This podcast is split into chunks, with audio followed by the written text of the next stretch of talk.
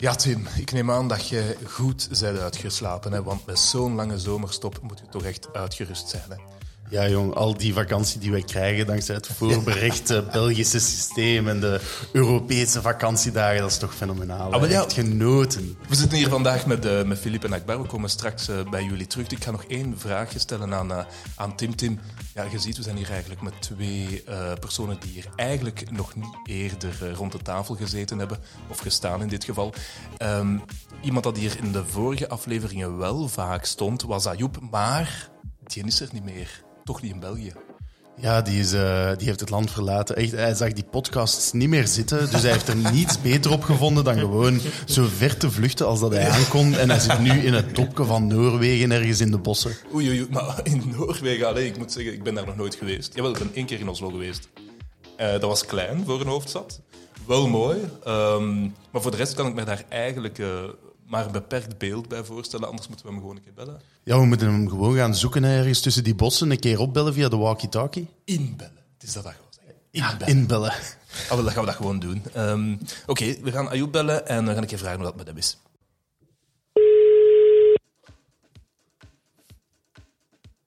Spannend. Oh, la la la la. Wat is dat daar? Dag Ayoub? Ja, ja, ja. Het is oktoberfest vanavond. Nee, ik dacht dat jij in Noorwegen zat en niet in Duitsland. Uh, ja, maar het is ook een, uh, allez, een hele gebeurtenis. Uh, iedereen is hier, allez, ik ga niet zeggen verkleed, maar eerder gekleed in lederhozen, wat is dat allemaal? En ja, de bier bloeit, laten we zeggen. Zijn de Duitsers weer in Noorwegen geland? en voor onze luisteraars, ja, zoals gezegd, ja, Ayoub, jij zit dus uh, niet meer bij ons rond de tafel, maar je zit op dit moment in Noorwegen, waar dat jij op Erasmus zit. Hè. Uh, dus we bellen ja. even in vanaf nu. Uh, elke aflevering gaan we even u lastigvallen over het leven dat jij leidt in Noorwegen. Hoe is het met u? dus het gaat heel goed. Het gaat heel goed. het was een... Toch, veel aanpassingen, om eerlijk te zijn. Vooral de taal dan. Ja, dan neem ik aan. Uh, maar het is een mooie taal. En, uh, ik, zit, allee, ik zit toch in een, in een dorpje, laten we zeggen. In een gezellig dorpje. Uh, het is echt, iedereen kent iedereen. Dus het is wel anders dan een grootstad als Oslo bijvoorbeeld, of Brussel. Ja. ja. En, hoe ver is dus dat van gebeurt niet zoveel. Zo, is, als je een bus zou pakken, dan zijn het toch zeven uur onderweg. Oh, dat is drie keer in België door. Um, ja. Ayoub, Ayoub, ja, ik zit hier eigenlijk uh, rond de tafel met, uh, met Akbar, met Tim en met... Uh, en met of, zijn naam is Filip. Filip, sorry. Filip, ja, maar, ja, sorry. bon, oké, okay, Ayoub, sorry. Ik zit hier, zit hier rond de tafel. Akbar, sorry. Ik zit hier rond de tafel met, met Akbar, met Tim en met Filip. Um, ja, we wisten nu natuurlijk keihard. Hè, maar Noorwegen is ook wel in het, in het nieuws geweest over het laatst. door die shooting daar. Ik weet niet of dat je daar iets van hebt opgevangen.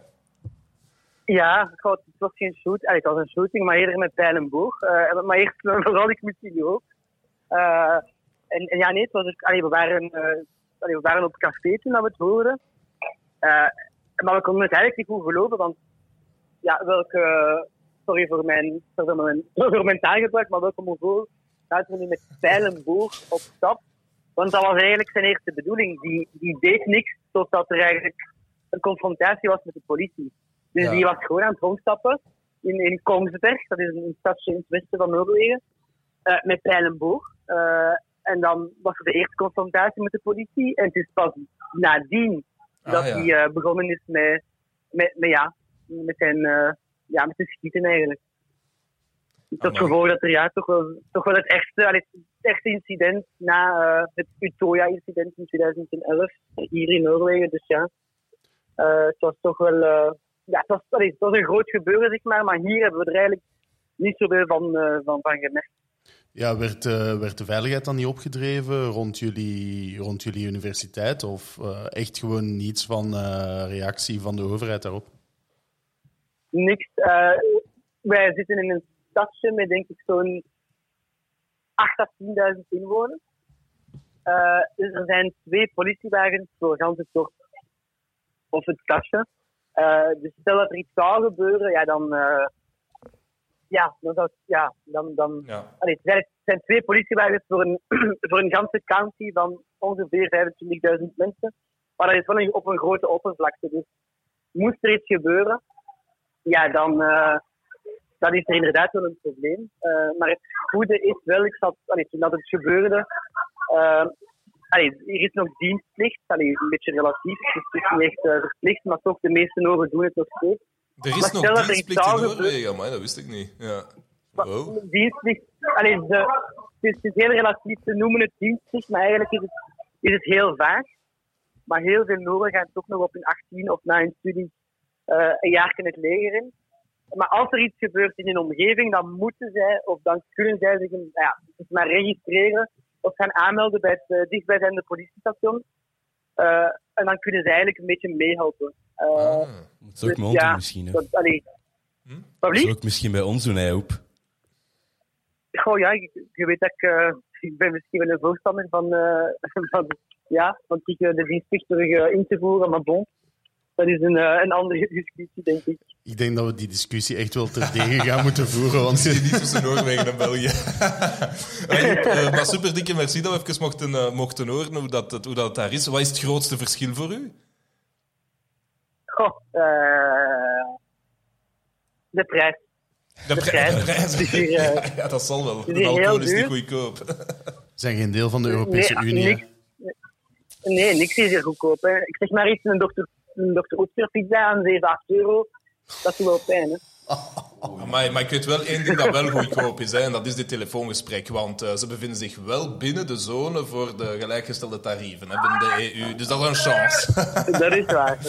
Oké. Okay. je, je hebt het waarschijnlijk opgezocht dat je me gebeld hebt. ja, dat hoopt u nu toch. Anders had ik u laten bellen, Ayoub. nee, nee. Nee, dat is geen probleem. Maar dikke merci. Um, Ayoub, amuseerde daar nog. En uh, we, elkaar, we, we, we, horen elkaar uh, op de volgende aflevering. Hè. Zeker. En ik ah, wens jullie allemaal. En doe zeker de groeten aan iedereen. Oh, dat doen we. Salut gezegd. Ciao. Hè. Ciao. Bye. Salut. Bra. We kunnen niet zonder Ayoub. Deze podcast is geen podcast. En zo, zo houden we hem nog wat warm voor als hij terugkomt. Je gaat hem nodig hebben met die temperatuur daar. Maar Free, wij hebben, daar, hè, wij hebben hier eigenlijk ook wel twee andere mensen waar we wel wat aandacht okay, ja, mogen geven. sorry, sorry, sorry. sorry. Ja. Akbar en Filip, we gaan beginnen met de podcast. Uh, welkom bij onze podcast. Maar voordat ik echt welkom kan zeggen, moeten we toch onze begintune officieel starten bij deze welkom op de eerste aflevering van ons nieuw seizoen. As president of the European Council, I will bring my vision, my common sense and my optimism to the European project. I want to build a spirit of common good and trust. For me, that means listening to everyone. Can you hear me now? Yes, yes, we can hear you. Okay, also guten Tag und guten Nachmittag, guten Abend, guten Morgen. First time since 1973. We will be an independent coastal state with full control of our oublie. Au revoir, la grand-mère. In this great city, which boasts 1,000 years of history, and which serves as the capital of Belgium, the home of the European Union, and the headquarters for NATO, Ja, we zijn er op zich opnieuw. Welkom bij een nieuw seizoen van Breu Podcast. Een podcast gemaakt door Jong VLD Brussel. Die gaat over onze mooie stad, Brussel natuurlijk, en de Europese Unie waarvan ze de hoofdstad is. Vandaag zitten we rond de tafel met Tim Bogaert, het alziend oog van de Europese politiek. We zitten hier ook met Akbar, Akbar, de Jong VLD-referentie bij LVSV Brussel, dat mag ik toch zeggen. En natuurlijk, het is niet Brussel? Ja, misschien, misschien. Misschien, wel, misschien, misschien, wel, misschien niet. Ja, We zijn partijen afhankelijk. Gesproken als een echte politicus. en, last but not least, een kandidaat-voorzitter. Een kandidaat-voorzitter van een van de meest belangrijke jongerenverenigingen die dit land telt. Um, kandidaat-voorzitter voor Jong VLD Nationaal. Welkom, Filip. Filip Nijs, hoe is het? Uh, Frederik, uh, heel goed. Uh, beetje druk nu in de campagnemodus. De boer op door Vlaanderen. En vandaag blij dat we hier in Brussel kunnen zijn. maar ik ben heel blij dat je hier bent. Um, misschien, oké, okay, kom, we gaan toch even een momentje geven, want dan zullen we daar ook vanaf. Um, waarom wilde jij voorzitter worden? Ik wil voorzitter worden omdat ik denk dat we Jong VLD op een aantal vlakken nog een versnelling hoger kunnen laten schakelen. Ik denk dat we de voorbije jaren een mooi parcours hebben gereden als vereniging, maar dat we zeker in de komende jaren, die, die cruciale jaren gaan zijn voor eh, het land in het algemeen, maar ook voor de partij. We vieren 175 jaar bestaan volgende week uh, of in de komende dagen een groot uh, bevrijdingsfeest, 175 jaar. Maar in de komende jaar gaan we ook naar, naar een verdere ideologische herbronning. En daar moeten we denk ik als jong VLD het voortouw innemen en proberen ook voor de komende jaren, ga niet zeggen voor de komende 175 jaar, maar toch voor de komende jaren die in het vooruitzicht liggen, ja, proberen meer de nieuwe lijnen uit te zetten.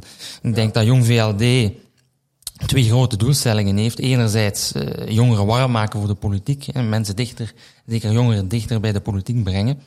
En anderzijds proberen uh, ja, toch een beetje de flankspeler te zijn van onze liberale beweging op het inhoudelijke vlak. En op die twee punten zou ik de komende jaren verder willen inzetten. Is dat overtuigd, Tim? Uh, ja, maar ik wil wel dat hij er vanaf nu niks meer over zegt en enkel over de podcast gaat. Is hij overtuigd, Akbar? Wow, ja. maakt u geen zorgen, maakt u geen zorgen. Mooi initiatief. Maar... Dat is, dat is de avond, de avond is goed gestart. Alweer een politiek antwoord, Akbar. Doen ja, het is mijn eerste keer, hè, heren. Dus, hij, uh... hij, is nog geen Philip fanboy, maar jij kunt het wel zijn als je naar zijn website gaat. ja, inderdaad. Waar moeten ze naartoe? www.philipnijs.be. En dat is Philip op zijn Vlaams of op zijn Frans? Dat is op zijn Frans. PH. PH-P-E. Oké, maar dat gaan we dan uh, zo um, in de credit, credit, credits right. schrijven. Voilà. Perfect. Um, ja, de trouwe luisteraars die weten het al. Voor jullie, uh, Akbar en, uh, en Philip, is dat natuurlijk een beetje nieuw. Um, maar elke aflevering kijken wij eerst even naar wat er allemaal in Europa gebeurd is de laatste weken. Um, en dat is onze fameuze, fameuze Eyes on Europe.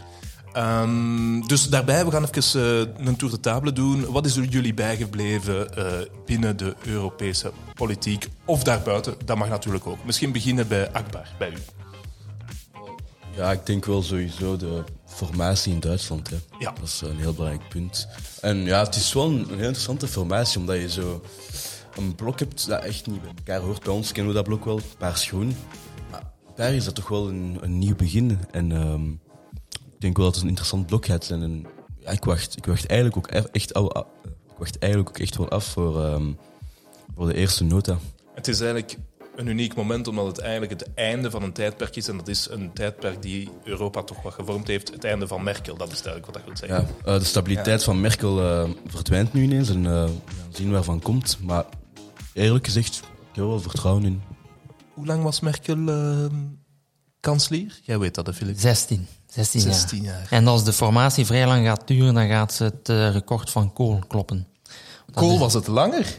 Kool was het langer, ook maar 16 jaar, maar het scheelt op een aantal maanden. En uh, dus als, als Scholz en de zijnen uh, nog een paar maanden gaan uh, formeren, dan gaat Merkel over Kool springen. Ja. Dan is het record van Kool verkoold. Oh, ja. dus, dus is, het, ja, voilà. is dat dan de laatste keer dat ze over kolen gaat moeten lopen? Oh. ah, dat is nog een betere metafoor, ja. Die goede humor is ja. weer terug van weg geweest. we, we, moeten, we moeten vaker zo van die late-night podcasts doen. ja, inderdaad. Dan komt alles terug naar boven. we gaan misschien toch even verder. Uh, Oké, okay, Tour de Table, Akbar, uh, Angela Merkel. Uh, Tim, ja, voor mij in mijn notities staat Polen sideface. Um, en ik denk dat dat het wel uh, samenvat. Um, dus ja, de, de, de trouwe luisteraars weten dat we al een paar uh, aanvaringen hebben gehad met Polen op het vlak van rechtsstaat. En nu heeft Polen een, uh, een, een bescheiden Molotov-cocktail gesmeten op de Europese rechtsstaat door um, het, het, het constitutioneel hof dat gezegd heeft dat de Poolse wet boven de Europese wet staat, waarbij dat ze rechtstreeks European primacy uitdagen. Dus Poolstok springen over de Europese wetgeving. Je zat daar echt te wachten. De one-liners vliegen hier ons om de oren. Hij had al geschreven daar straks. Hè. Hij wacht op het juiste moment. Sorry, dat is gewoon dat is stoel. Stond letterlijk te popelen. Dat is ongelooflijk. Uh, ja, maar ik vind dat toch ook wel leuk. Uh, uh, inderdaad, zeer, zeer, zeer aangrijpend. Als ze daar terug ja, voor, voor zitten te protesteren natuurlijk. En land dat, ja, wat dat, land dat afkalven is, is, is jammer. Um, ja, Filip. Ja, naast Polen, wat ik denk dat vanuit Europees perspectief de belangrijkste gebeurtenis van, van de afgelopen weken is, vind ik toch ook opmerkelijk wat er bezig is rond Taiwan. Ja. Ik spring heel even buiten de Europese grenzen, omdat ik denk dat uh, de laatste maanden toch meer en meer getuigen zijn van een verschuiving van geopolitieke evenwichten, waar uh, ja, de reis tussen China en, en de VS alles bepalend zal zijn en ook uh, ja, Europese consequenties zal hebben. Hè. We hebben gezien uh, met AUKUS en de Franse deal met Australië is afgesprongen door een nieuwe alliantie. en waar het de vraag zal zijn hoe Europa door dat nieuwe mijnenveld zal ja. varen. Ja, absoluut. Ja, spannende tijden eigenlijk, als je het zo bekijkt. Denk je dat er echt een, een finale clash tussen, tussen de US en, uh, en, en China komt op een gegeven moment? Ja, ik denk wel dat de druk tussen die twee landen uh, en die competitie alleen maar zal, zal toenemen, omdat China het, het enige land is dat de hegemonie van de VS kan bedreigen. En dus de VS nooit zal toestaan dat de Chinese invloedssfeer te, te, ver zal, te ver zal gaan. En dat gaat natuurlijk in de Zuid, Zuidoost-Chinese zee en dergelijke meer druk alleen maar verhogen. En vooral de VS en China gaan ook Europa meer en meer voor een keuze stellen. Ik denk een, uh, ja, misschien een sprekende case gaat, gaat de chipindustrie zijn. Ja. Waar je vandaag de dag die druk al ziet, uh, ziet ontstaan. Dus uh, ja, dat, dat gaat alleen maar toenemen. Um, ja, in verband met Europa en China en de VS. Um, we zien ook in Europa daar wel een soort van tweesprong is tussen Oost-Europa en West-Europa. Je ziet dat Oost-Europa meer neigt richting China en Rusland. En het Westen meer neigt richting de VS natuurlijk. Is dat zo? Denk je dat Polen echt uh, pro-Russisch is? Bah, niet minder pro-Rus, maar wel pro-China. Dat is zeker en vast. Ook als je kijkt naar de Tsjechische staatstelevisie, die onlangs is deels is verkocht naar de Chinezen, als ik me niet vergis, zie je wel dat Oost-Europa wel meer neigt richting China. Ja. Voor het Orban. Ja, en, zeker uh, Hongarije. Ja, Orban is er echt een, een fervente fan van. Ja, maar, maar daar, voor, hebben ze ook hun peren gezien. Met, die hebben uh, iedereen zitten vaccineren met dat Chinees uh, vaccin. ja, en dan hebben ze hun peren gezien omdat dat ja, op de ballen bleek te trekken. Hopla, terug beginnen vaccineren. Ja, kijk. Maar het klopt wel dat er een aantal Oost-Europese landen ja, eigenlijk zeer jammer eigenlijk, maar toch enorm in die invloedssfeer van die nieuwe um, Silk Road uh, constructies ja. belanden, waarbij dat ze toch wel in zo wat een, af, een, een, onmogelijk afbetalingsproces belanden, waarbij dat ze ja, eigenlijk uh, wat vervreemden van Europa. Dat is inderdaad wel echt een probleem, denk ik, of niet? Waaronder Italië, hè? Zelfs Italië. Maar Italië heeft gezegd nee. Die, die ja, sinds Draghi. Sinds Draghi. Sinds Draghi. We hebben het al vaak gezegd, we hebben het al 100%, al, al 100 keer herhaald, maar Tim, Bedankt, Draghi, baby. maar ook sowieso uh, de Noord-Afrikaanse kust. Hè. Ook allemaal in Chinese handen nu. Hè. Want je ziet ook dat China ook in Afrika sterker wordt. Wat ook voor Europa Absoluut. toch wel wat gevaarlijker kan zijn ook. Hè. Ja, dat, is, uh, dat, is, dat, is, dat is iets om in terug te houden. Hè. Dat, is, uh, dat is geen goed nieuws van tijd. Maar goed, wat ik wel nog wil zeggen is, ik vind wel dat, um, dat het niet per se... Allee, als, we, als we eerlijk moeten zijn, um, een, een wereld met meerdere uh, grootmachten is misschien ook wel iets dat toegejuicht kan worden. In de zin van de, de, de, de, de, de, ik zal maar zeggen, de heerschappij van de Verenigde Staten is misschien wel wat tanende. Maar is het zo slecht dat andere landen hun plaats opeisen? Zeker qua bevolkingsaantal. Ja, het hangt ook echt af welk land de plaats inneemt. China is allee, ja, veel erger dan de VS, als ik echt eerlijk mag zijn. Hè. Qua maar daaronder staat er nog een andere grootmacht op te borrelen en dat is India. Ja, maar met de extreemrechtse regering in India, die toch wel moslims ja. andere minderheden ook aan het... Want, uh, ja... Ja, dat is waar. Ja. Dus, ja. Maar ik denk, ik denk, het is zonneklaar dat we van een uh, unipolaire wereld die tussen 89 en, mm. en de financiële crisis heeft ontstaan... Uh, is, is, is ontstaan dat die nu aan het verschuiven naar een meer multipolaire wereld. Hè. Maar de vraag zal zijn, hoe gaat dat evenwicht uh, En hoe blijft de democratie overleven daarin?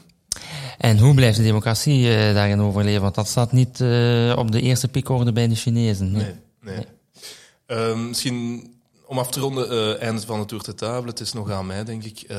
wat ik nog wou zeggen is... ehm, ik dacht eerst iets te zeggen over die duikboten-kwestie. Maar eigenlijk is dat misschien al wat uh, ondertussen afgerond. Mm -hmm. uh, wat mij toch wel ook is opgevallen, uh, en dat me toch wel wat gechoqueerd heeft, is alweer eigenlijk een moord op een Britse parlementariër. dit keer was het David Ames, een, een, parlementariër voor de um, conservatieve partij.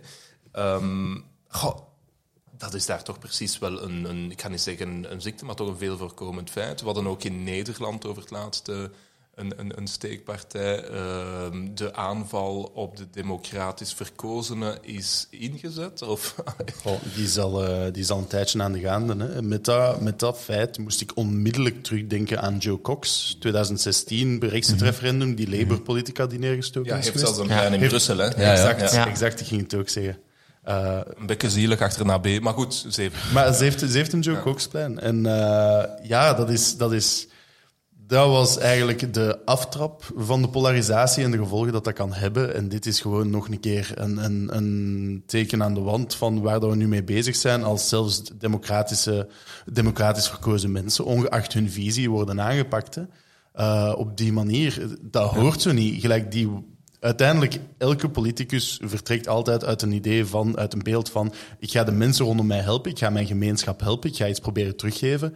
En het feit dat die nu in, in, in de crosshairs komen van ehm, extremisten is gewoon te zot om los te lopen. En dat is door polarisatie. En daar hebben wij allemaal eigenlijk een, een, een, een bijdrage aan te leveren om dat tegen te gaan en om ervoor te zorgen dat zoiets nooit niet meer kan gebeuren. Absoluut. Tuurlijk. En ook de rol daarin van de media, denk ik. Zeker in de Anglo-Saxische wereld. eh, Zeker. de rol van de tabloids, daarin denk ik dat ook mogen benoemd worden. Dus eh, ja, ik denk dat dat inderdaad de gevolgen toont van een te, te vijandige sfeerschepping in de publieke ruimte. Het is een vijandige sfeerschepping, maar het is geen ehm, politieke eh, vijandigheid, omdat eh, het is zowel de ene keer Labour, de andere keer conservatieve. Het is niet dat het, eh, dat het er eigenlijk van, van de ene kant tegen de andere kant is. Nee, het is gewoon tegen het politiek bestellen aan zich eigenlijk. Ja. Aan zich, maar natuurlijk zijn er actoren in dat politieke bestel die te zeer voeding geven aan een soort polarisatie die niet meer gezond is. Hè. Je, bent eigenlijk zeker in de Anglo-Saxische wereld, maar ook meer en meer bij ons aan het evolueren van politieke tegenstrevers. Het is normaal dat er in een democratie debat is en eh, dat mag zelfs een stevig debat zijn, want Ja, je bent tegenstanders, je hebt verschillende overtuigingen. Maar is meer en meer eh, aan het evolueren naar een soort vijandschap met, met politici en discours die zich binnen hun eigen bubbel vormgeven, steeds extremer tegen elkaar. En misschien niet altijd met eh, expliciete intentie, maar met soms wel de impliciete gevolgen daarvan. En daar vind ik wel dat ook politici en bepaalde politici zich meer rekenschap van zouden mogen geven. Maar ik denk, dat, ik denk dat het nog te vroeg is om te zeggen dat het echt een politieke moord is. Want eh Amos stond echt bekend in zijn constituency als een heel sympathieke, een heel lieve man. Eh, de persoon die hem neergestoken heeft, is naar mijn weten een man van Somalische origine die ja, niet lang in Groot-Brittannië is. Dus ik weet niet of het echt gaat om een politiek feit, om een politiek, politieke daad. Dus ik denk dat we nog beter afwachten. ja, misschien wel. Misschien mogen we niet... Nee, het, is, het, het zal geen, op dit moment geen politieke moord zijn, maar ik wil maar zeggen dat er op termijn een soort sfeer ontstaat. Ja, tuurlijk. Waar dat, eh, men zeker in de VS wordt dat wel wat gevoed of Ja. krijgt dat gemakkelijker eh, voedingsbodem met discours zoals we de afgelopen jaren hebben gezien. Klopt. Oké. Ehm, ja, we, gaan even, neergestoken, eh, we, gaan even, we gaan even afronden. Eh, we, gaan, we gaan zoals altijd nu twee eh, tot drie thema's kiezen. Ik denk, wat hebben we hier allemaal gehoord? We hebben Taiwan gehoord, we hebben Angela gehoord, we hebben... ehm, wat Polen. Ja, voilà, Polen het? Eh, en ik, ik, heb, ik, ik vernamde natuurlijk eh, de, de, Britse, de Britse parlementariër. Ja, goh, waar, waar zullen we verder? Ik denk dat, dat de erfenis van Angela Merkel toch wel echt een, een, een enorm belangrijke stap is in de geschiedenis van de EU. Ik neem aan dat we daar misschien over verder gaan. Yes? Absoluut. Handen omhoog? Yep, Ja. alright. Tweede item. ehm, Wat, Polen, hè? Polen, Pak Polen, absoluut. Pakt Polen toch ook wel echt een schoon... Allee, ja, dat is, het is wel al meermaals in de podcast gekomen, maar het is toch te belangrijk. Ik vind dat we even polshoogte moeten gaan nemen. Oké. Als de Het is de avond van de ja, one-liners. Als de grapjes van. Polen blijven volgen, dan pakken we Polen. maar eerst een terugblik op de erfenis van eh, Angela Merkel. Oei. Angela? We're having some technical issues. Angie. Can we just invite anyone who may be uh, unmuted to me? Ja. Thank you. Angela, zit je daar? Angela? Your Excellency, you have the Yeah, floor. I, can you hear me now? Voilà. Yes, yes, we can hear you. Okay, also guten Tag und guten Nachmittag, guten Abend, guten Morgen. Ich freue mich, hier dabei zu sein, wenn heute der Startschuss gegeben wird für diese so wichtige Konferenz am 4. Mai. Voilà.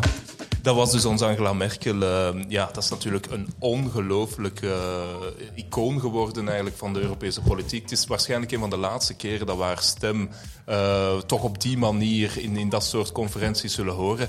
Ehm, zoals eh, Philippe daarnet al zei, 16 jaar lang, ik denk zelfs ondertussen 17 jaar lang, een, een icoon van, van onze Europese politiek. Maar niet altijd heel, ehm, ik zou zeggen, eh, charismatisch of, of, of, eh, of vaandeldragend. Hè. Het is eigenlijk eerder de politiek van de consensus, Filip. Van de consensus, van de kleine stapjes, is ook dokter in de chemie. En die zijn altijd bezig met het afwegen en de weegschalen. En af en toe zit dat ook wel in haar politiek discours. Maar niettemin, niettemin is ja, niet alleen een symbool van Europa geworden, maar wat mij betreft ook toch een beetje de leider van de vrije wereld. Die toch ondanks haar misschien kleine stapjes en haar pragmatiek en haar eh, stoïcijnse eh perceptie naar buiten toe. Iemand die op de juiste momenten ja, de liberaal-democratische waarden eh ja, sterk naar buiten heeft gebracht en zelfs verpersoonlijk. Dus wat dat betreft, ja, toch zeer veel respect voor de figuur die, die, die Merkel is. Ik denk ook dat het echt vooral een heel groot rommel was voor veel dames. Als we nu kijken naar de politieke wereld, er zijn heel veel dames die premier zijn, of misschien zelfs president in een paar landen, die het heel goed doen. Wetenschappelijk bewezen is zelf dat landen waar vrouwen leiders zijn, dat die landen het ook beter doen dan landen waar mannen leiders zijn. Ja. Ja, en ook qua, qua, qua leiderschap van Merkel is dat ongelooflijk. Natuurlijk, we gaan nooit weten wat dat er gebeurt achter de schermen bij de... de, de, de Ze was wel iemand van de achterkamers, een beetje. ja, ja, ja, en we zullen nooit weten wat dat er is gebeurd, echt specifiek in, eh, achter de schermen bij de, de... Wacht, ik ga het juist zeggen. De Europese Raad. Ja, Ja. Oei, oei, oei. want ja, ja, ja, maar het was echt gehoorde angst in mijn stem. Ehm, dus ja, je gaat nooit weten wat dat daar gebeurt tussen al die wereldleiders. Maar wat wel zeker is, is dat hoe lang dat je daar al zit, meespeelt in hoe hard dat je kunt doorwegen. En Merkel heeft ervoor gezorgd dat we zowaar een Europese Unie hebben gehad dat steeds in, in, in tred liep met wat Duitsland, wat Berlijn besliste. Ehm, en Merkel kon daar altijd zeer hard op doorwegen, want ja, ze was zo'n ervaren politica, ze was daar al heel lang geweest en zij kon altijd de dragende stem zijn. Allee, ik moet maar verwijzen naar die ene foto ook, dat we allemaal hebben gezien, waar dat Ja. ze Trump terecht wijst. Eh, Trump zit neer, alle politici staan er rond. En, eh, Ja, maar dat is misschien perceptie. wijst Je haar- weet helemaal niet of dat, dat effectief... ja, maar eh, dat is zo een krachtig beeld, omdat we allemaal wisten dat Merkel steeds het hoge woord kon voeren. Zonder Merkel bougeerde het niet. Het was altijd Merkel die je moest meekrijgen. En dat is echt een sterk punt van legacy voor iemand zoals Angela. Ja, die is ook al echt al 16 jaar. Dat is de enige Duitse kanselier die ik heb gekend in mijn leven. Dus, eh, Zijn jij nog maar 16? Eh, ongeveer, ongeveer. Geef, dat pintje eens terug. Wij drinken hier geen alcohol. Nee, maar ik snap het van uw politiek bewustzijn. Hè. Dat is Ja. voor mij natuurlijk ook wel zo. allee, de 15 jaar als, eh, als in eh, Power kwam. Dus dat is eigenlijk, ja, inderdaad, een hele generatie je zo Duitsers. Ja, ik ben al een beetje ouder als jij. Maar jij bent gewoon heel jong, hè? Allee, bedoel. Oh, ja. jij bent 20, of nee, wat was Ja, 20, hè, 20. 16, hè, 16. 16. Ja, maar ik vond, ik vond het eigenlijk wel grappig bij Angela hoe dat je altijd kon zien wat haar emotionele band met die. ehm, of, of wat dat zij vond van, van, van een andere leider. Bijvoorbeeld met Hollande, dat ging voor geen meter. En dan eigenlijk eh, met, eh, met Macron, ja, dat, eh, die, ik denk dat ze eigenlijk een, een zwak had eh, voor hem. Hè. Ik bedoel, zijn vrouw is ook even oud als haar, dus wie weet. Ja, Voor maar nu heeft iedereen een zwak, Ja. denk ik. Hè. Ja, maar dat waren, dat, dat waren M&M, hè. Ja, je kon wel... eh allee, ze had niet altijd een, een even goede pokerface. Hè? En daar zijn ook eh, en door die BBC... eh hoe heet ze? Tricia Ullman, of hoe heet ze? eh, hele goede parodieën opgemaakt. eh. ja. Ja, het is, het is inderdaad de samenwerking tussen Merkel en Macron dat zo doorslaggevend is geweest. Hè. Het feit dat wij nu met Europa eindelijk, eindelijk, eindelijk allemaal samen hebben geleend van de financiële markten, dat was er nooit gekomen als Merkel niet samen met Macron had samengezeten Ja. en had gezegd, we gaan dit zo aanpakken en we gaan dit zo doen. Dat toont echt dat die Frans-Duitse as zo belangrijk is. Ja. En wat Merkel allemaal heeft kunnen bewerkstelligen, gewoon omdat ze die touwtjes zo goed in handen had. Wat is daar niet gelukt? Door dat tien jaar eerder te doen. Want dat moet er ook wel bij gezegd Ze- worden. Ze, ze toont op belangrijke momenten dat ze er kan staan. Maar doordat ze inderdaad zoveel dingen op de weegschaal afweegt, ageert ze soms met de neiging to little too late. En dat hebben we wel een klein beetje gezien, als er dan toch een punt van kritiek mag, mag uiten, in de reactie op de financiële crisis tien jaar geleden. Waar het eh, toch eerder een, een wijfelende Merkel is, die, die dan na eh, ja, veel nachtelijke onderhandelingen in Brussel vaak pas met een halfslachtig akkoord eh, meeging. Maar goed, er was natuurlijk ook een, een moeilijke Duitse publieke opinie. Maar daar denk ik wel dat Merkel wat, wat vroeger had kunnen Ja. Ja. eh, wat kunnen schakelen. Maar goed, eh, Eigenlijk eh, is haar grootste verdienste stabiliteit. Hè? Dat is, Ja. ja. Ja, ja, over heel de EU, maar ook bij crisissen die ze toch wel gehad heeft. Hè? Hoeveel crisissen heeft ze niet achter de rug? Eh, Heel veel. ja, de eurocrisis, de migratiecrisis, eh, corona. Terreurcrisis. hè. En daar moeten we het ook wel zeggen. Ze heeft geleerd van haar fouten tijdens de eurocrisis. Hè. We gaan het nooit vergeten. Wir schaffen das. Dat is Absoluut. ondertussen al zo een bekende... Ik denk dat het de bekendste Duitse uitspraak is sinds... ehm, sinds ah, ik ben een Berliner. Ja, ja. ik ben een. Berlijnse Ook geen- Pool. Ook, Ja. ook geen niet uitspraak. Het was, het was in het Duits, maar het was geen Duitser. Eh, maar los daarvan, nu Merkel met Wir schaffen das. We weten het allemaal, we kennen het allemaal. Het is tot in de treuren herhaald en dat toonde ook wel een daadkrachtige Merkel. Dus ze kon het wel. Helaas bleef ze zeker op Europees niveau vaak veel te lang aan de zijlijn staan. En, dan, en dan is het verkiezingen en dan verschrompelt die CDU en CSU. Dat is Ja, maar niet ten koste of niet eh, met de reden van, van Merkel. Shout-out Armin Laschet. Ja, maar inderdaad Wat door... figuur. eh, Maar ik dacht al in het begin, wat is dat voor een figuur? Oh, allee, sorry, maar... Ook corruptie en zo, als ik me niet vergis. Hè. een, een accident waiting to happen eigenlijk. Ja, Ik dat, vond het ook wel grappig dat Bart Wever in het nieuwsblad schreef... Ja, die weer schaffen dat van Merkel, dat soort echt voor eh, een extreem rechts aan boven aan het gaan is en zo. Maar ja, dat is het juist, juist niet geworden, maar bon. Nee, want de kandidaten moesten gewoon zoveel mogelijk op Merkel lijken. ja, want dat is de reden waarom dat Scholz het nu zo goed heeft gedaan. Eigenlijk incarne- incarneert hij meer Merkel dan Laschet.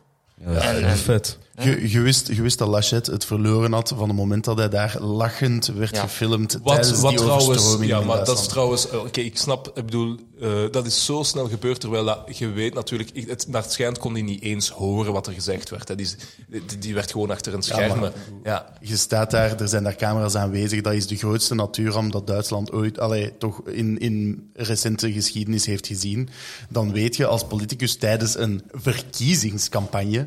Ik moet opletten, ik moet op mijn beste gedrag zijn. En het feit dat hij daar stond te lachen op zo'n moment dat eh, Duitsers dood waren, Ja, dat is dat waar, is gelijk, dat was zo een, een totale politieke miskleun dat het niet anders kon dan fout lopen. Maar je kunt ook niet alles goed op hem schuiven, denk ik. Hè, want ik denk wel dat de SPD iets goed gedaan heeft. Die hebben zich eigenlijk deels heruitgevonden. Want 50 van de, denk ik, 160 verkozen leden in de Bundestag zijn jongeren, nieuwe, jonge mensen die ietsje radicaler zijn, maar ze hebben wel... ook wel een gevolg van het feit dat die partij gewoon dood was. Ja, dat is een feit. En, en ik denk dat er een aantal socialistische partijen in Europa ongelooflijk content waren dat het toch nog mogelijk is. Ja, Vooruit. vooruit. Het is mogelijk blijkbaar. Deborah, hoor je ons? Maar, maar, het is niet omdat het een socialistische partij was. Totaal niet. Mensen hebben niet gestemd omdat ze eh, akkoord waren met de socialistische principes van de, eh, campagne waarmee zij naar buiten kwamen. Nee, het was die persoon, eh, Olaf Schulz, die, ehm,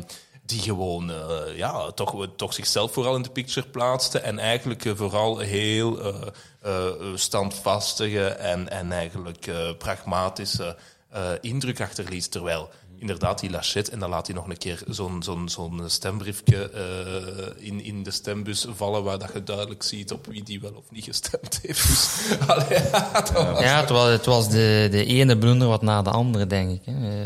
Maar het zijn ook echt wel schoenen om te veel van Merkel. Allee.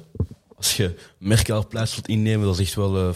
Maar er was geen voorbereiding. Ja, Bij. CDU, er was er eigenlijk er was een, eh, een, een, een overtuiging dat het wel zou lukken. En dat... eh, Ja, maar eigenlijk, eigenlijk had, men, had men Marcus Zeuder moeten nemen. Hè, want pas op, alles hangt soms ook af van kleinigheden. Had men Marcus Zeuder, eigenlijk de leider van de CSU, genomen, had het heel anders kunnen lopen. Maar Dus Marcus Zeuder is eigenlijk de leider van de, van de, van de Bayerse... eh, ja, is, is de minister-president van deelstaat eh, Beieren, Beieren, hè, ja, ook de ja. politieke leider van de CSU. Ja, maar ja, Zeer populair in Duitsland. Maar wat maakt dat dan toch een Laschet is gekozen als kanselierskandidaat? Interne partijpolitieke machtsverhouding tussen het CDU en de CSU. En de CDU die als, als grotere partij van de rest van Duitsland vond, wij kunnen toch niet een CSU-kandidaat nemen. Maar ik denk dat dat wat in hun gezicht is ontploft achteraf. ja, maar dat is, dat is nu ook wat te laat. Hè. Allee, dat zit nu geen zeuter meer aan de dijk. Ja, het niveau van de one-liner. Ja, ja, het, het, eh, het gaat naar boven, het gaat naar boven. Om, de, om, om maar te zeggen, het moet niet allemaal kommer en kwel zijn, want ook eh, voor eh, de liberale partijen is er toekomst. De FDP, die was zo goed als dood in Duitsland en die is toch ook terug opgestaan.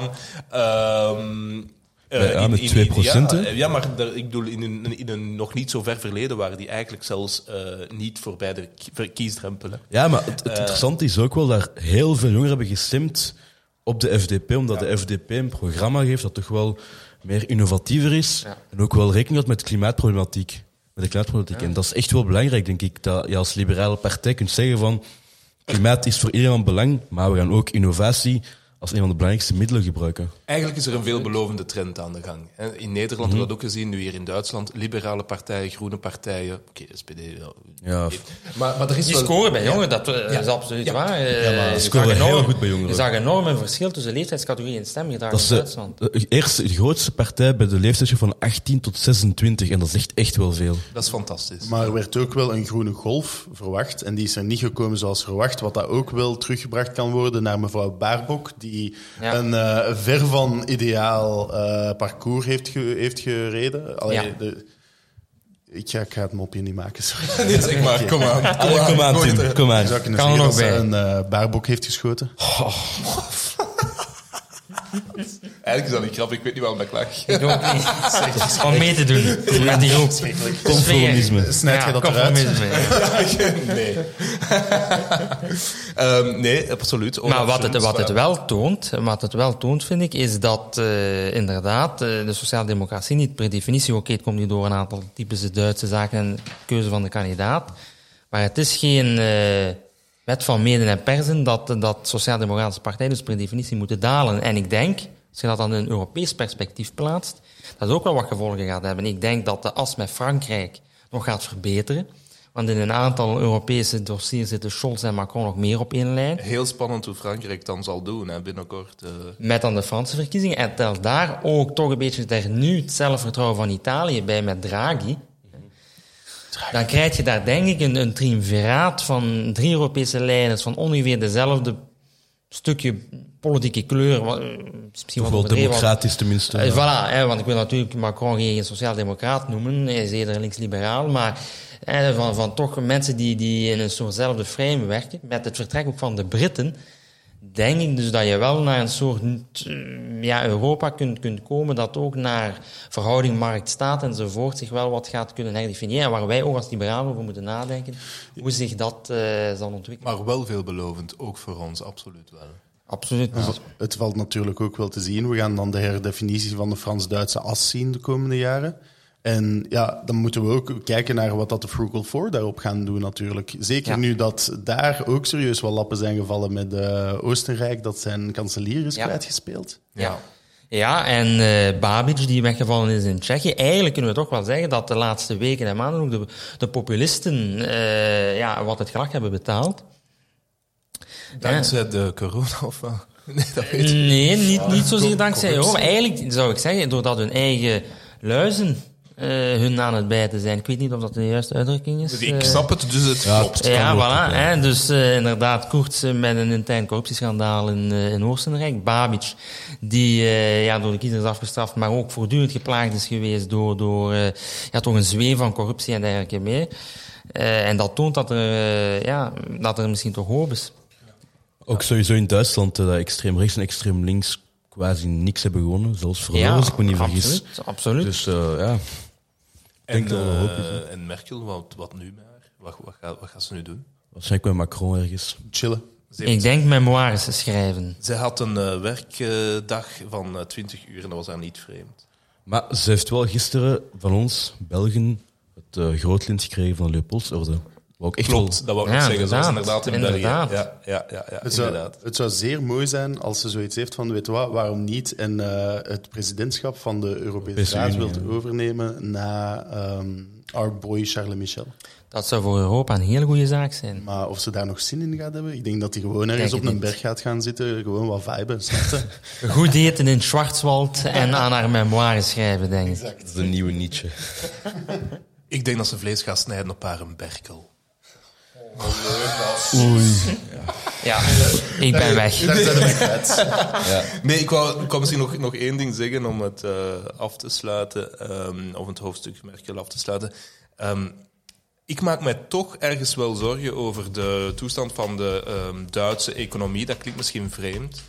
maar het is wel een zeer eh, stugge economie. En heel vaak heeft ze echt gewoon eh, de autolobby gevolgd. Ze was een enorme voorstander, heeft altijd alles voor gedaan, zodat de autolobby in Duitsland, toch de motor van de Duitse economie, voorrang kreeg. Ver- verklaart ook heel veel haar, haar relatie met China en, en, eh, en, en, en, en bijvoorbeeld ook Hongarije, omdat Volkswagen daar toch een aantal fabrieken heeft. Ehm, maar het is wel zo dat bijvoorbeeld Duitsland op zich geen eh, innovatief land is op vlak van ehm, ehm, eh, eh, structuur of, eh, allee, ik ben het woord aan het zoeken, ehm, allee, netwerken en, en, en internet, eh, Mhm, 5G. mhm, mhm. Eh, het- daar is er wel nog Ja. wel werk. En zij heeft op dat vlak niet veel eh, bereikt. Op laat ons zeggen, of, of het was misschien niet nodig, ik weet het. Wel, ze heeft daar denk ik vooral geconsolideerd op de erfenis van eh Schreuder. Hè. Want als we dan inderdaad nog even teruggaan naar haar voorganger, die het maar, denk ik, één, één termijn heeft, heeft volgehouden, maar die heeft in 2004 enkele enorm grote hervormingen doorgevoerd, de hartshervormingen, die eigenlijk een echte kickstart hebben gegeven voor het Duits herstel. Je moet weten, in, eh, wij waren toen nog heel jong, om het zo te zeggen, hè, maar... Frederik niet. tweede, ja, Frederik wat minder. Maar in, in de jaren 2001, 2002, 2003 was Duitsland de zieke man van Europa.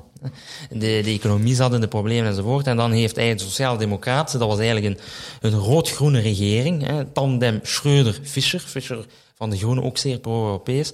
Die hebben, die hebben een... eh, ja, het- het- te gaan, boys. Ja, voilà. Maar die hebben, die, hebben, die hebben een enorme eh, hervormingsimpuls gegeven aan Duitsland. En dat is eigenlijk de basis waarop de Duitse economie eh, haar groeipotentieel van de laatste jaren heeft, heeft zien toenemen. Maar het klopt dat eh, Merkel te weinig, te weinig die hervormingstrein heeft voorgezet en ook te weinig gerichte investeringen in infrastructuur en digitalisering heeft, eh, heeft, heeft doorgevoerd. En dat komt een stukje door, ja, de Duitse begrotingspolitiek is ook de zwarte nul.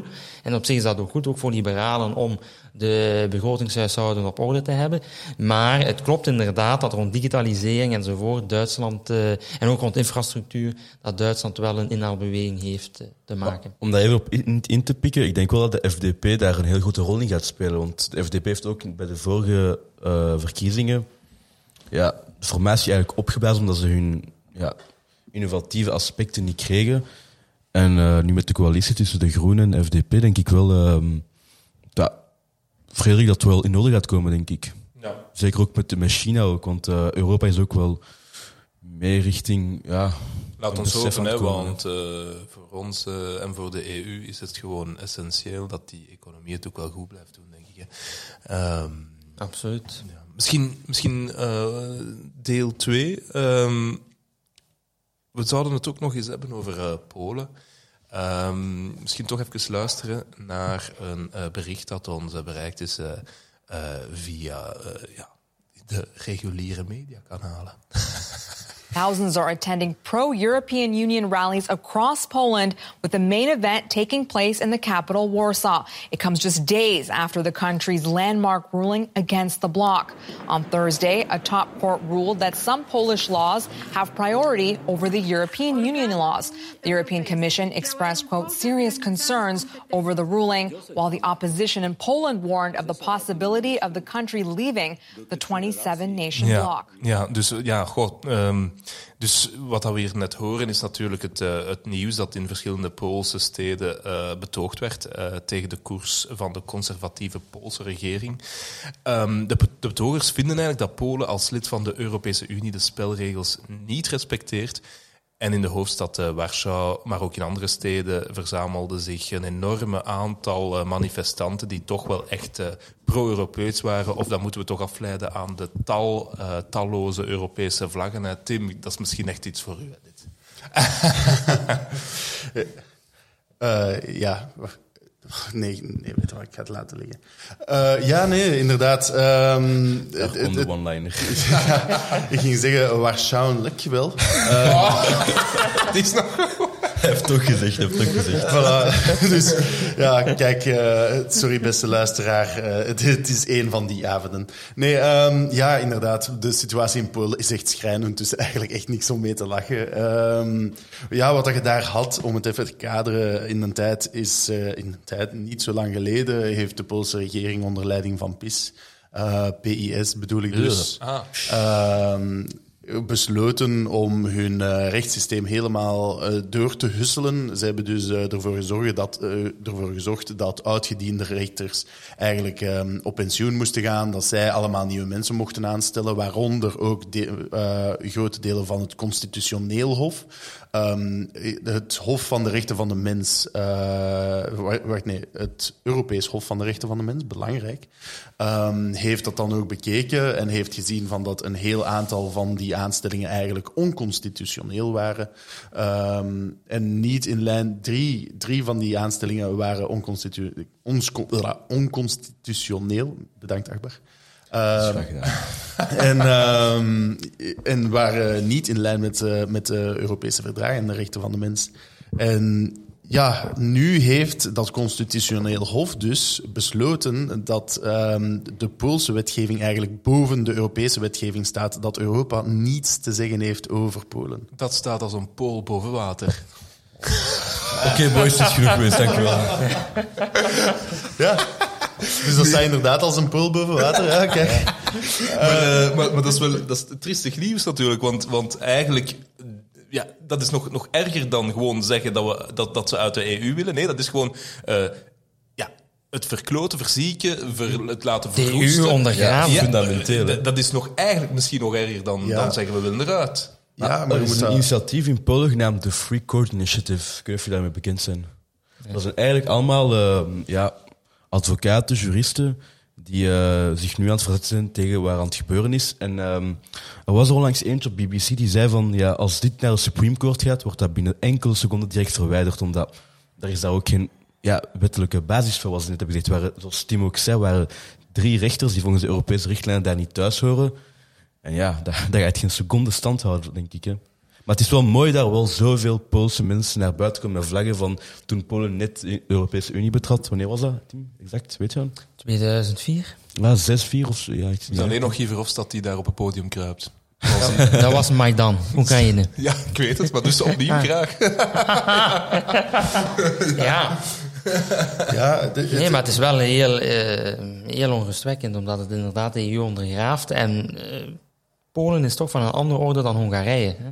Eh, tegen Hongarije zou je, kunnen zeggen, oké, eh, we zetten dat land eruit. Allee, moet hier een lijn getrokken worden eh, in de Europese waarden. En op zich moeten we dat ook wel tegen Polen zeggen. Maar Polen is een zodanig belangrijk land, geopolitiek, in de verhouding met Rusland en de rest van het Oostblok. voor het Maar het, voormalig is, het is het machtigste land van Oost-Europa. Voilà, absoluut. Eh, en als dat eh, op die weg verder gaat, is dat bijzonder, veront, eh, allee, bijzonder verontrustend voor, voor de verdere ontwikkeling van, van de Unie. En ik denk dat we daarom ook vanuit West-Europa, ook als liberalen, zelfs als Jong VLD, mee moeten helpen om alle liberale krachten daar in de oppositie volop te steunen en de tegenbeweging in te zetten. En wat dat betreft moeten we eigenlijk heel blij zijn dat iemand als Donald Tusk, hij is wat oud en hij is niet meer zo fris, maar toch nog blijkbaar de kracht vindt om mee die, die oppositie aan Hoe te oud voeren. is Tusk? Is hij zo oud? Het is toch niet zo oud? Het is toch in de jaren... Het is toch, wat is het? eh, Is die niet al in de 60? fresh boy. eh, en maar vooral in anciëniteit. Hè. Dus een, een, Ah ja, oké, eh, ja. Die loopt al 30, 40 jaar rond in, in de Poolse politiek. Het is geen Trump, hij is niet zo oud als Trump. hè. Eh, nee, nee, nee, nee. nee. In, eh, in Amerikaanse termen staat hij nog maar aan het begin van zijn carrière. Ja, absoluut. Ja. hij, is, hij is net oud genoeg voor in Congress te gaan.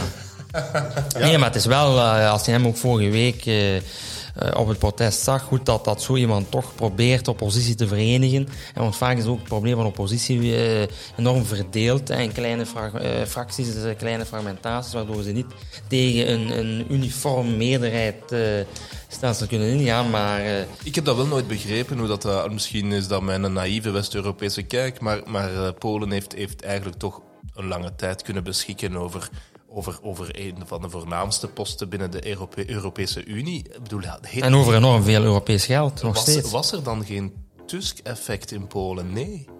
Maar eh, het is belangrijk om te weten dat die, die verkiezingen daar. Je hebt daar opnieuw die tegenstelling tussen enerzijds dan de steden, die, die zeer pro-Europees zijn, ja. en de rurale gebieden, waar, dat er, waar dat ze trouwens ook pro-Europees zijn. Maar die, zijn veel, die, die stemmen dan nationaal wel eerder conservatief. Maar over het algemeen zijn ze in Polen enorm pro-Europees. Maar Ja. wat dat je nu ziet, is eigenlijk een deel van een grotere trend. Ehm, dit is gewoon de Polen dat op dit moment krijgen zij geen geld van het, eh, van het corona-herstelfonds. Omdat hun, ehm, hun, hun rechtsstaat eigenlijk in gevaar is. Dus hun rechtsstaat is op dit moment niet in orde, waardoor dat zij dus geen recht kunnen hebben op het geld van dat Europese fonds. En dat is dus echt absurd Ja. veel geld. hè. Silver lining misschien. eh, was dat toch in Polen? Ik dacht het wel. Dat er een aantal eh, gemeenten uiteindelijk toch nu die eh LGBTQI-free zone hebben, hebben afgezet. Ja, Of, eh, omdat, omdat ze anders geen geld meer krijgen. En dat is Dus zo belangrijk. te werken. Ja, en dat Europees geld begint ook zo. Ze hebben dat nodig voor door de corona-herstel te komen. Maar PIS wil het niet toegeven. En daarom zetten ze nu druk op de rechtsstaat, een klein bommetje gesmeten, om toch het een en ander los te wrikken. Maar allee, we moeten dat ook wel even kaderen. Dus daar zie je dat dat duidelijk een deel is van dat ze ehm, ja, dat bommetje wouden werpen, om het zo te zeggen. Ehm, maar langs de andere kant, eh Karlsruhe, dus de Duitse Constitutional Court, heeft recent ook zo'n uitspraak gedaan waar, dat ze de, waar dat ze de heerschappij van het Europees recht, om het zo te zeggen, in twijfel trokken. En daar kregen we dan minder van op, want dat was gewoon een Constitutional Court dat dat had beslist. eh, daar moest over gesproken worden. Maar het probleem is die partijdigheid. Dus we weten dat dit eigenlijk een deel is van de Poolse ehm, regering die zijn campagne tegen de Europese Unie doorzet zonder zelf het woord te nemen, omdat ze weten dat de Euro... School. Dat de, omdat ze weten dat het Poolse volk achter hen staat. Ehm, dus ze moeten het op andere manieren spelen. En dit is gewoon weer een manier daarvan. En nu moeten we beginnen nadenken, hoe gaan wij verder met Polen? Want wat, wat we nu hebben, ik heb het gelezen in eh The Economist, ik weet dat ik lang ben aan het doorgaan, maar ik ga hiermee afsluiten, Ehm, is waar dat ehm, de UK eigenlijk een, een, een dysfunctioneel lid was van de familie dat eruit wou, is op dit moment Polen een dysfunctioneel lid dat erin wil blijven. En wij hebben hier dus met een soort van giftige remain te maken, dat ervoor zorgt dat wij niet deftig kunnen functioneren, dat wij een, een, een lastig lid hebben in ons midden dat weigert onze values te onderschrijven en waar dat we niet weten waar dat we naartoe moeten. Dus het is nu aan ons om een oplossing hiervan te vinden waarmee dat we ook nog wel het Poolse volk hun voorkeur kunnen respecteren zonder hen daar rechtstreeks in te raken door op te treden tegen PIS. Sorry Ja. voor het lange betoog. Ik denk dat het voorbeeld van eh Frederik wel een goed voorbeeld is dat je in plaats van stok de wortel kunt gebruiken.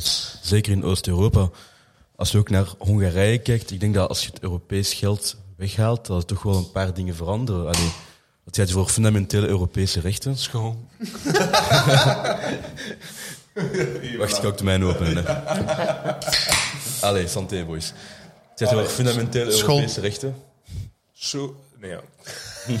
Op Schuld. Nee, nee. Ga verder, ga verder. Eh, het gaat over eh, fundamentele Europese rechten die wel vrijwaard moeten blijven. En ik denk wel dat de wortel in dit geval belangrijker is dan de stok. Want artikel, mensen die artikel 7 willen activeren voor Polen en Hongarije, beseffen dan niet dat we hun dan verliezen aan de Russen en de Chinezen. Wat ook voor ons heel gevaarlijk kan zijn. Ja, aan de Russen sowieso niet. Uh, Maar Hongarije, Hongarije wel. Hongarije wel, hè. Ja, de Hongarije Polen wel, maar de Polen onmogelijk. Maar het ding is, we, we mogen die ook gewoon niet kwijtraken om de simpele reden. We mogen dat Europees volk daar niet teleurstellen. Allee, denk aan onze vrienden in de UK die hard Remain waren. Allee, als het aan ons had gelegen, dan zouden we iets doen voor die mensen om het Ja, op te lossen. Voor. Schotland Ja. bijvoorbeeld. Ja. Het ding is, het Europees project moet een, een gegeven zijn van wil en van, van het volk dat erbij wilt komen. Het is jammer, het is jammer dat dat vandaag eigenlijk eh, enkel in, in bepaalde landen, jammer genoeg Oost-Europees vaak, eh, dat het eigenlijk vandaag enkel blijft tot een, tot een, tot een financiële ehm, meerwaarde. Of, en en dat, dat dat eigenlijk het secundaire is, maar de waardegemeenschap en het, het, de gemeenschappelijke geschiedenis en alles wat je wilt. Dat is wel heel jammer. Dat, is, dat, is, dat zou ooit moeten veranderen. Het zou moeten veranderen door dat geld net om die terug op hetzelfde niveau te brengen als eh, West-Europa. Eh, maar eh, dan denk ik toch ook dat, dat Tim gelijk heeft dat we die niet mogen afschrikken door, door ons extreem onwrikbaar op te stellen. Ehm, maar langs de andere kant, ik, ik, lees, ik lees hier ook, ook net vandaag dat, dat Polen opnieuw een beetje de stoute jongen in de klas speelt. Want zij moesten eigenlijk hun bruinkoolgroeven aan de rand met Tsjechië sluiten. Eh, en dat doen ze niet. En eh, op die manier hebben ze ook nog eens eh, ruzie met eigenlijk een van de meest succesvolle ehm, eh, Oost-Europese landen, dat is Tsjechië. Dus, allee, ja. Ja, maar als we onze West-Eurocentrische bril afdoen, kunnen we wel zien dat de geschiedenis van Oost-Europa wel ook wel anders is dan de onze. De bo- allee, Ja, maar het, zoveel... het- het maakt niet uit of dat, dat anders is. Of, weet, of, allee, er is wel gewoon, eigenlijk inderdaad, de- het Europees project is over wat de toekomst aanbelangt. Inderdaad, En- sowieso. Maar je kunt de toekomst niet bepalen zonder dat je het verleden analyseert, denk ik. Ja, Ehm, dat klopt. Ik denk wel dat in dit geval, Oost-Europa heeft bijvoorbeeld Joegoslavië gekend, de Sovjet-Unie gekend. Dat zijn allemaal landen, allemaal ja, qua, eh, sterke blokken die zijn gevallen één na één. En dus het Europees project is voor ons natuurlijk een heel duidelijk, een heel mooi project. Maar je moet ook aantonen dat dat kan werken. Als je elke dag, als, als iemand die in ruraal Polen woont, elke dag berichten krijgt van waar allemaal in Brussel beslist wordt en dat je daar niks, eigenlijk, dat je, of dat je denkt dat je daar niks over te zeggen hebt, snap ik wel misschien ergens het sentiment, zeker als je naar geschiedenis kijkt van al die blokken die zijn gevallen. Maar aan de andere kant is het ook onze taak om hun te overtuigen dat dit project kan werken. En ik denk wel dat we daar ook echt goed mee bezig zijn. Hè. Maar ze moeten die analyse zelf kunnen maken. Ik denk dat wij hun dat moeten uitleggen als West-Europees land. De, de conclusie moet van hunzelf ook komen. En ik denk dat dat ook wel duidelijk is. En daarom dat ze er ook nog allemaal in zitten, by the way. Ja, en Polen zal erin blijven. Hè? Want als we de vergelijking maken met, eh, met de UK, eigenlijk. Het UK heeft altijd gevangen gezeten in de Unie. Eh, en Winston Churchill sprak wel over de Verenigde Staten van Europa, maar zag daar Engeland nooit lid van zijn. Hè? Hij zag zich als de grote verbinder tussen eh, de US en, de- en de continent. Eh, dus eh, de UK is altijd wat de vreemde eend in de bijt geweest, die, die zich nooit op het feestje heeft thuisgevoeld. Polen en dergelijke zitten toch wel in een ander perspectief, juist omwille van, zeker bij Polen, de aversie van Rusland. Hè. En ik denk dat we daarom, gegeven inderdaad de enorme pro-Europese houding bij de bevolking, dat we eigenlijk als liberalen inderdaad, eh, ik zeg niet misschien op een plein moeten gaan staan, maar toch mee eh, de bevolking daar moeten gaan ondersteunen en eh, ja, toch eens naar Polen moeten zelf afzakken. Ja. Dat is misschien een goed idee dat hier vanavond rijpt. De volgende podcast vanuit, vanuit Polen doen. Krakau is een heel mooie stad, heel lekker eten, vooral Ja. in de Joodse wijk Kazmir. Super mooi om te zien dat er echt nog steeds een pure Joodse wijk bestaat in, in Europa. Qua. Dus dat is echt ja, wel- en en plus in Polen. ja, inderdaad. Ja, inderdaad, ja. Ik denk dat, eh, dat we over Polen nog... eh, trouwens, we hebben er al heel veel over gebabbeld. Maar dat we er ook in de toekomstige podcasts nog heel veel zullen over, eh, over babbelen. Net omdat het zo'n belangrijk pion is binnen het Europees verhaal. Eh, maar misschien even terug naar Brussel. ehm, omdat we dat toch, ook nog... Misschien, als er nog tijd... Ja, misschien kunnen we dat toch ook nog even even aanhalen. Ehm, enkele dagen geleden meer dan duizend vrouwen die betogen eh, in eh, de straten rond Cimetière d'Ixelles. Even luisteren. Het is ang- angstaanjagend om te weten dat als je gewoon een drankje bestelt van een, van een barman, dat er even goed iets kan gedaan worden in het drinken. Zonder dat je echt erom gevraagd hebt, zonder dat je echt onbewust... Je bent gewoon bewust aan het denken. Dus. Ja, wij waren vorige week donderdag ook in de WAF zelf. En dat was dan rondgegaan over die twee meisjes. En dat kan gewoon echt niet meer. Wij willen ook veilig uitgaan in deze buurt. We zijn juist nieuw hier en wij willen ons ook veilig voelen hier. Dus dat is heel belangrijk voor ons. De schrik om rondlopen, ja, nog altijd. Als ik naar vrienden ga, als ik uitga, is dat nog altijd... Hoe raak ik thuis? Met wie raak ik thuis?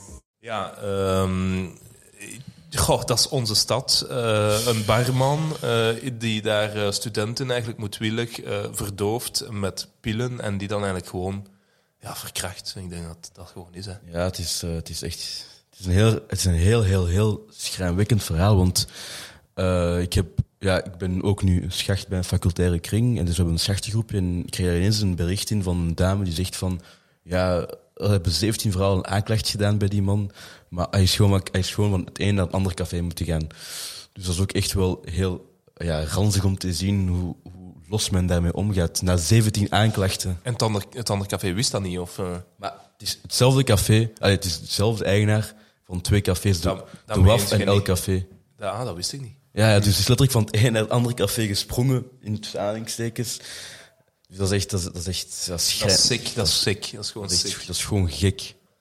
Ja, het ding is gewoon, deze is, deze deze is te verschrikkelijk om te horen, maar dat is een, een feit dat we vaker en vaker zien terugkomen. Je ziet dat ook in, in rond zijn kantenair is er een bekende problematiek. Het is daar te donker, vrouwen mogen daar niet rondlopen en het gaat er bij mij niet in dat we in de hoofdstad van Europa no-go-zones hebben voor vrouwen. Allee. En uh, LGBTQI en dergelijke nog. Ja, exact. exact. En, en het punt is, we hebben nu inderdaad dan die, die mars gehad rond dat ene feit.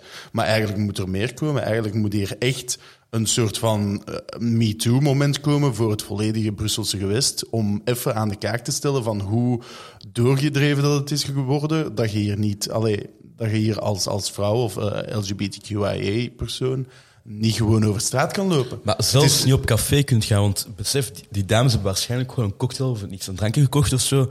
En die barman steekt dat daarin. En de volgende, de volgende dag worden die dames gewoon wakker in een, in een bed. Ja, er was één getuigenis waar een vrouw zei, ik word wakker met bloed overal op mijn lakens. En dat is, dat is gewoon ranzig om te zien dat die man gewoon letterlijk van het een naar het andere café ja, verplaatst wordt door de eigenaar. En ik denk dat twee cafés nu toe zijn tot de... Ze zijn dat, is, terug dat, open. is, dat is niet gesloten geweest. Ze zijn Nee. terug open, ja. Ze zijn even dicht geweest, maar ze zijn terug open. Ja, maar ik, ik wacht echt af voor de juridische procedure. Ik denk ook echt wel dat Van Quickenborne nu bezig is met een nieuw strafwetboek. En ik heb er echt op dit moment wel vertrouwen in. En dus ik hoop wel dat dat goed komt. Zeker na eh, ook de zaak van Espen. hè. We, we moeten niet allemaal een, we moeten niet altijd een doden hebben om... Nee, dus we moeten het wel van, gewoon... ja. eh, allee, bon, het, is, het is gewoon heel belangrijk dat het, dat het gewoon meteen serieuzer wordt genomen en dat de alarmbellen vroeger afgaan dat er hier een serieus probleem is. Door die Ja. eigenaar is één ding, maar dat is dan een beetje stilgehouden. Of, of die zeven vrouwen die de eerste... 17. Ja, 17. maar die zeven vrouwen na de eerste café, die hebben dan hem gewoon zien terugstaan achter de bar in het tweede café. Ja, dat is... Dat is, dat is Ja, het, het, het is nu jammer dat we hier nu uitgerekend vandaag eh, geen vrouw rond de tafel hebben. Dat klopt. Maar, het, maar wel LGBTQI+, Frederik. maar het is... Het is Ja, we weten onze luisteraars na de... na de vorige vier podcasts. Maar ja, we hebben minderheden, we hebben minderheden. het, het is, het is inderdaad echt gewoon schrijnend van, van hoe dat je nog altijd niet gewoon over straat kunt gaan. En daar moet gewoon actie voor worden ondernomen, één. Maar langs de andere kant, kijk, luisteraars, ehm, onze reach hier valt wel mee. Dus ik wil bij deze ook wel even aan de luisteraars vragen, beste vrienden, als je vertrekt van een feestje en je ziet iemand van uw vrienden alleen gaan, van uw vriendinnen alleen gaan, bied aan om een stuk mee te lopen, bied aan om mee te gaan. Het is jammer dat het zo moet zijn, maar het is beter dat we toch voorzichtig zijn dan dat we het later gaan zeggen van ah ja, dat is jammer dat ik dat niet heb gedaan. Ik had een kans om hier te helpen en ik heb het niet gedaan. Dus luisteraars, totdat we eindelijk doortastende actie hebben en de straffeloosheid wordt aangepakt, moeten we gewoon even allemaal er zijn voor elkaar en uitkijken voor elkaar. Dat is een heel mooi uh, boetade. Dat is- dat is mooi gezegd. Ja.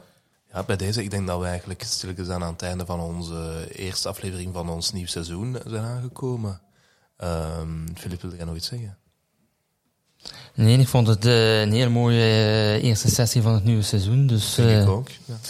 ik Ja. ga nu verder de campaign trail eh, op, zou ik zeggen. Eh, Dikke merci van hier te zijn, eh Filip Heel Nijs. Eh, dank u wel. Zoals ik al zei, luisteraars, www.philipnijs op zijn Frans.be voor alle informatie. Tim, wat vond jij ervan? Eh, ik vind dat... Oh, jongens, die moppen. Er echt nachtmerries van hebben. hè. Ja, de, de, eh, u bedoelt uw moppen, ja, daar krijg ik, daar krijg ik nachtmerries van. Ja, ja, dat staat als een pul boven water. eh, Ja, eh, maar bon, anyway. Het, eh, ja, nee, eh, uitstekende discussies en op het einde ook wel eh, food for thought over hoe dat we allemaal ehm, in het leven moeten staan en voor elkaar uitkijken. En eh, ja, ik kijk al uit naar de volgende aflevering. Hashtag je vous crois, dat was het, hè? Ja, het is uh, Je vous crois.